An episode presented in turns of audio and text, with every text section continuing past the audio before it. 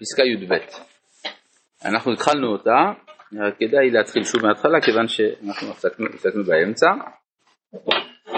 אה, יש מחשבה יורדת ממרומי גדולתה וממקור טהרתה מפני שאחריה שנתגשמה במעשה ובחיים טיפלו בה אנשים שאינם הגונים והחשיכו את תפארתה. כלומר, תמיד רעיונות גדולים אצל אנשים גדולים, אבל במציאות הם הופכים להיות נמוכים בגלל העסקנות. עסקנות. איזפיריסט. זה תלוי, המציאות תלויה באנשים, באנשים בפועל, בשר ודם, שלא תמיד הם אנשים רמי מעלה. הירידה הזאת איננה ירידת עולם, כלומר אומר הרב אל תדאג זה זמני. למה זה זמני? כי הרעיון הוא הבסיס. כן, תשובה זה רעיון נפלא, הוא לא פגע בתשובה. נכון, אתה צודק, הוא באמת לא פגע בתשובה. הירידה הזאת איננה ירידת עולם, כי אי אפשר שהטוב הרוחני המחשבי יהפך לרע, כי היא ירידת שעה. למה? כי הטוב הרוחני המחשבי הוא עיקר המציאות. אז דבר שהוא עיקר המציאות לא מתבטל על ידי דברים שהם מקרה במציאות. אה, והיא גם כן לצורך, אה, והיא, אה, והיא גם כן לצורך עלייה. אותם האנשים שהם קטנים באיכות, יש להם גודל כמותי. כלומר, האנשים העסקנים, אלה שמגשימים את הרעיון, הם אנשים, אמנם האיכות שלהם נמוכה, אבל הם הרבה. וגם מידה זו, אף על פי שהיא נחשבת כלא לגבי האיכות. כלומר, תגיד, מה זה כמות לעומת איכות? כמות זה כלום לעומת איכות. מכל מקום, כשהיא מצטרפת עם האיכות היא מעטרתה וברובה מעטרת מלך. אין כמות זה יפה בשביל האיכות. למשל, אם אתה לוקח אה, אבן יקרה, אז אתה מעטר אותה באבנים שהן פחות יקרות, אבל הריבוי של האבנים הלא יקרות נותן ערך לאבן היקרה. ולאו דווקא הכמות המספרית, כן? כי אם גם הכמות הכוחנית, כלומר יש שני סוגי כמות, יש כמות מספרית, מיליארד, זה כמות מספרית, יש כמות שהיא אומנם אה, קטנה, נגיד אלף, אבל בכל זאת זה משמעותי, זה, זה כן. זה כמות כוחנית, המרץ החפץ ירדוף ולהשיג לכונן את המבוקש על ידי דרכים מעשיים והתגלות הכוח. כל זה מתגלה יותר אצל אנשים בעלי חומר חזק וגס וחסרי רוח אצילי.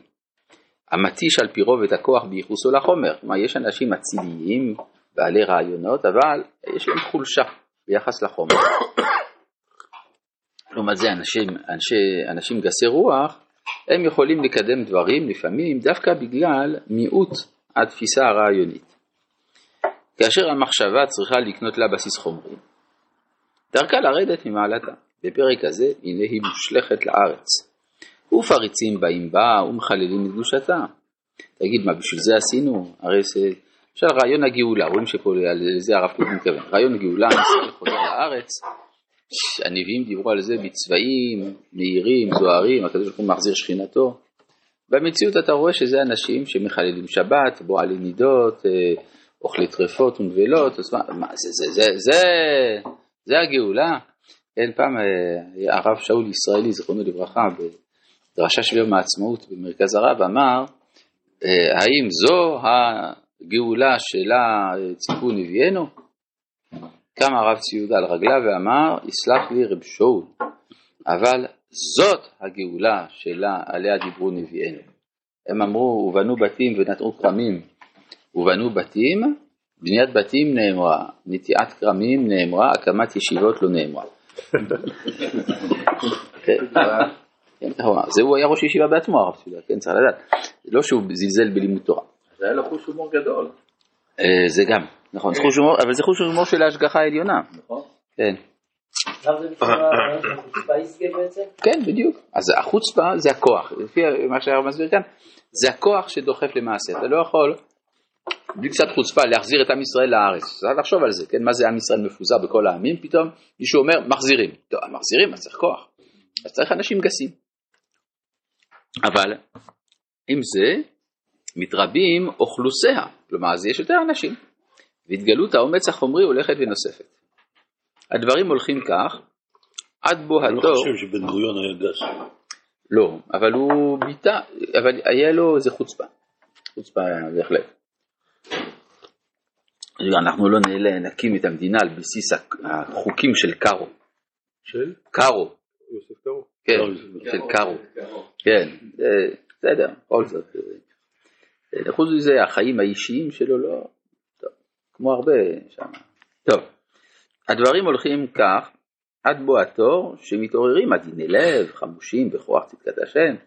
כלומר, אז באים על גבי זה אנשים כמו הרב קוק, עדיני רוח, בכוח צדקת, אה, צדקת השם, והם עולים עד ראש הפסגה של מקור טהרת המחשבה.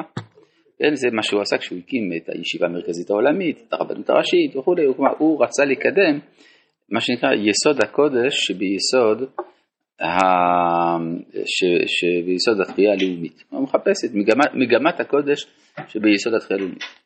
ומתעמקים בתוכיותה, מכניסים בה את התואר שבנשמתם, אנשים קדושים כמו הרב קוק, שהיא איזה קדושה עצומה, הם מכניסים בתוך הציונות עם כל הלכלוכים שלה.